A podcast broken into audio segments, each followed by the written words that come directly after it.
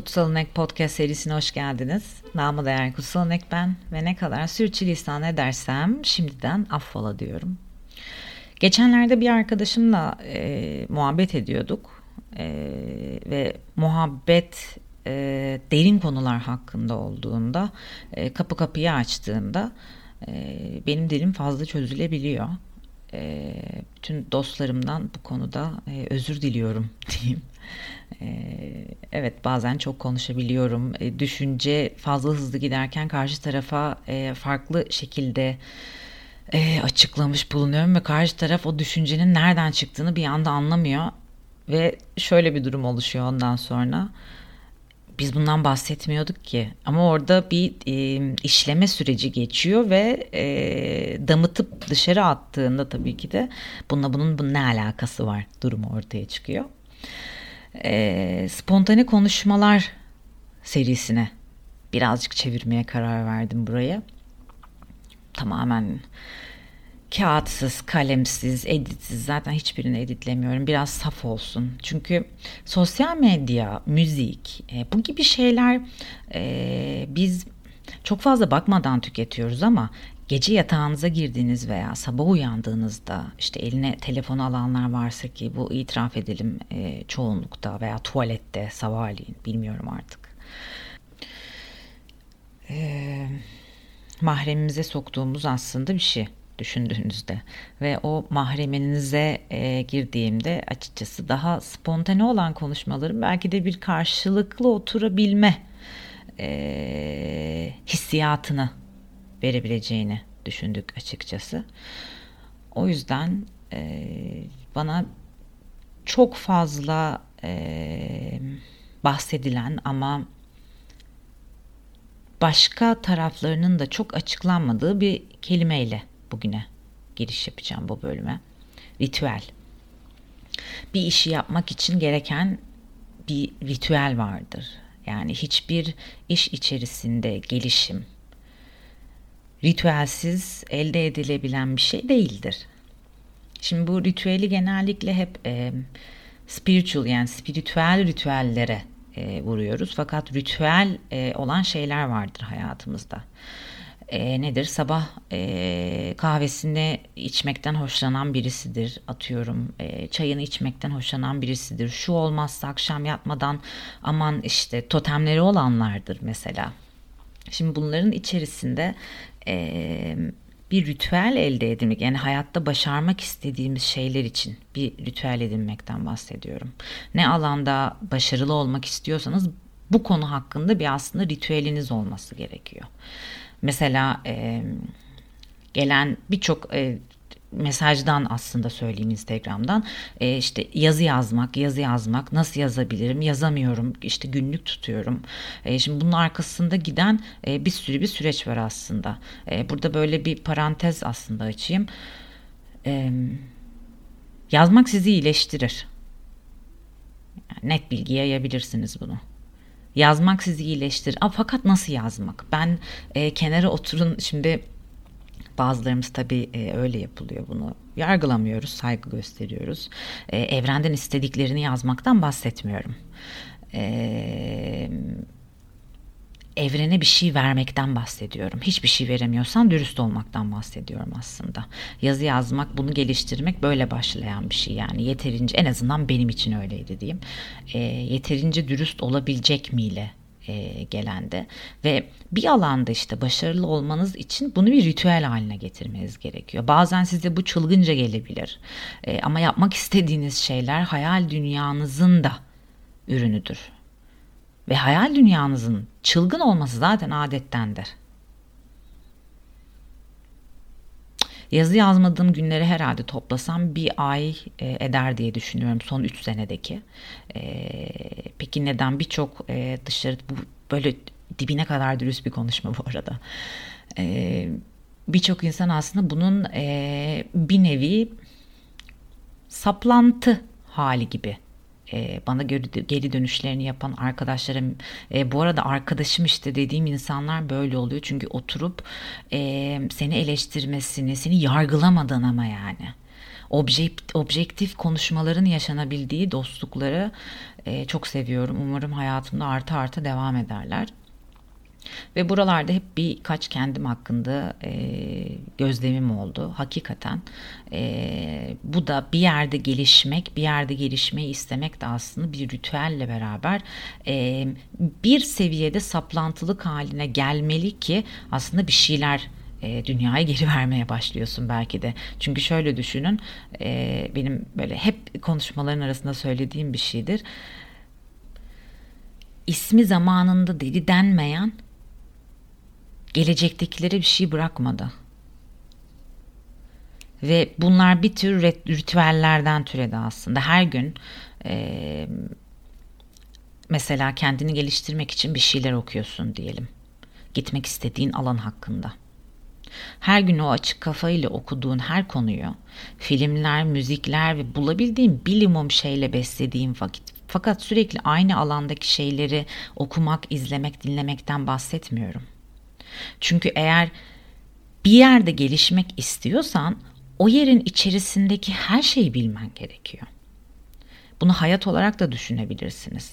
Yani ben bu gazeteyi okuyorum, karşı olduğum için şu gazeteyi okumuyorum dediğim vakit aslında karşılıklı söylenenleri diyaloğu tamamlayamıyorsun.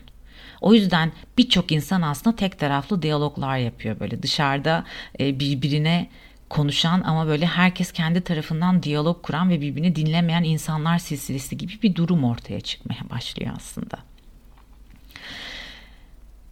Ve kendini besledikten sonra bunları açığa vurmak adına bir ritüele ihtiyacın var.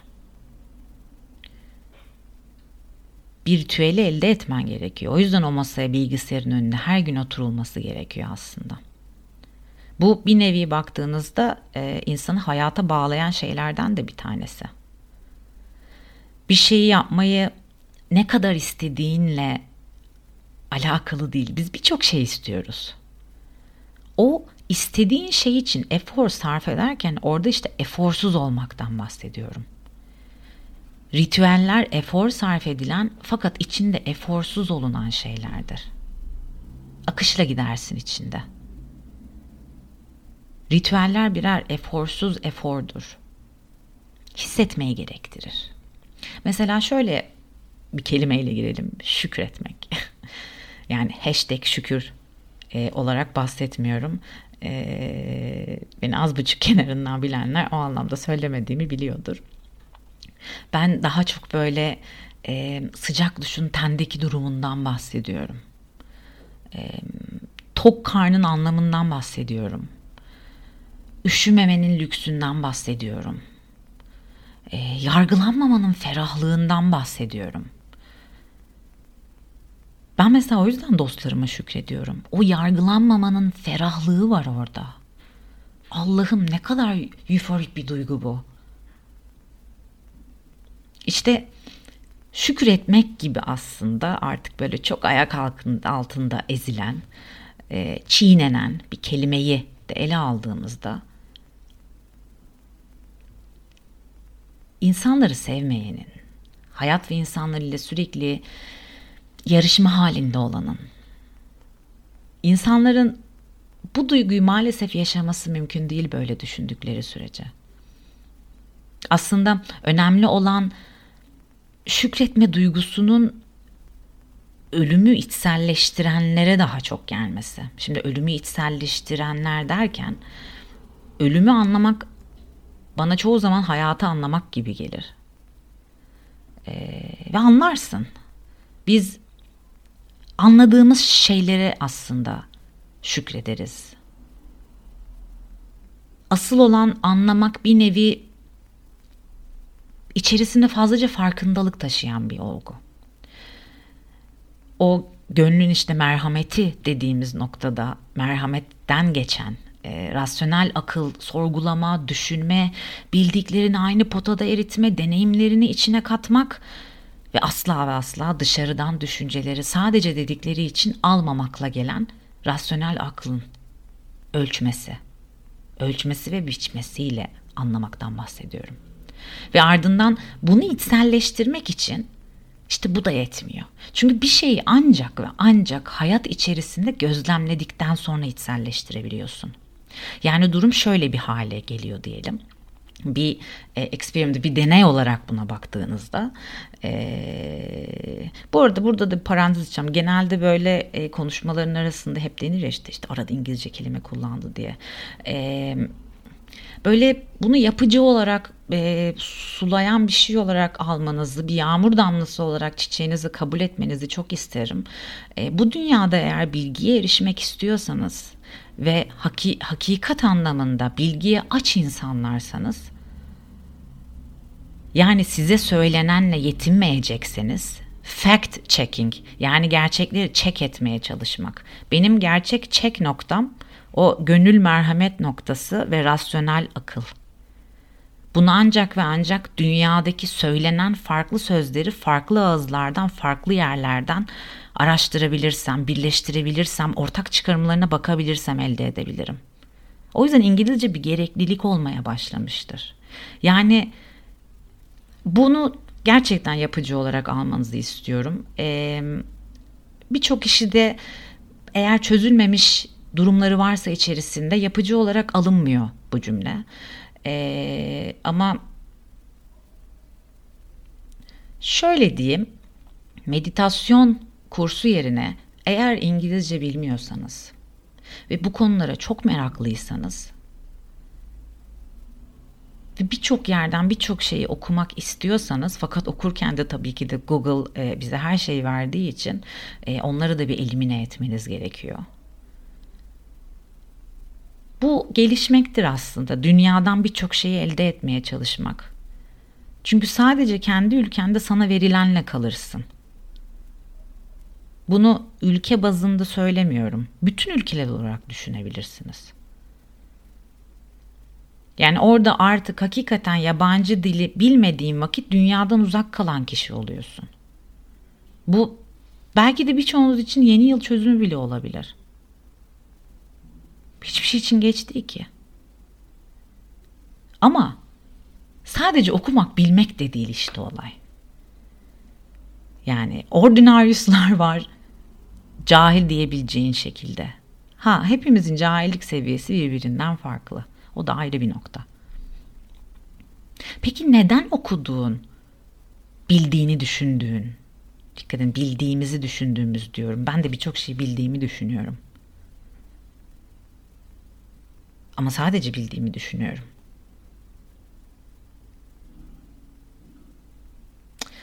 İşte kelimeler göründükleri gibi kolay olmuyorlar. Bunu çoğunlukla insanın kafa karışıklığına verebiliriz. Önceki bölümlerden e, podcastlerin birinci sezonundaydı herhalde. Cennetten kovulanlar e, burada geri dönerseniz aslında e, kelimelere adadığımız etiketler iyi, kötü, işte hayır ve şerrin ağacı cennetten kovulma hikayesine bir bakmanızı rica ederim.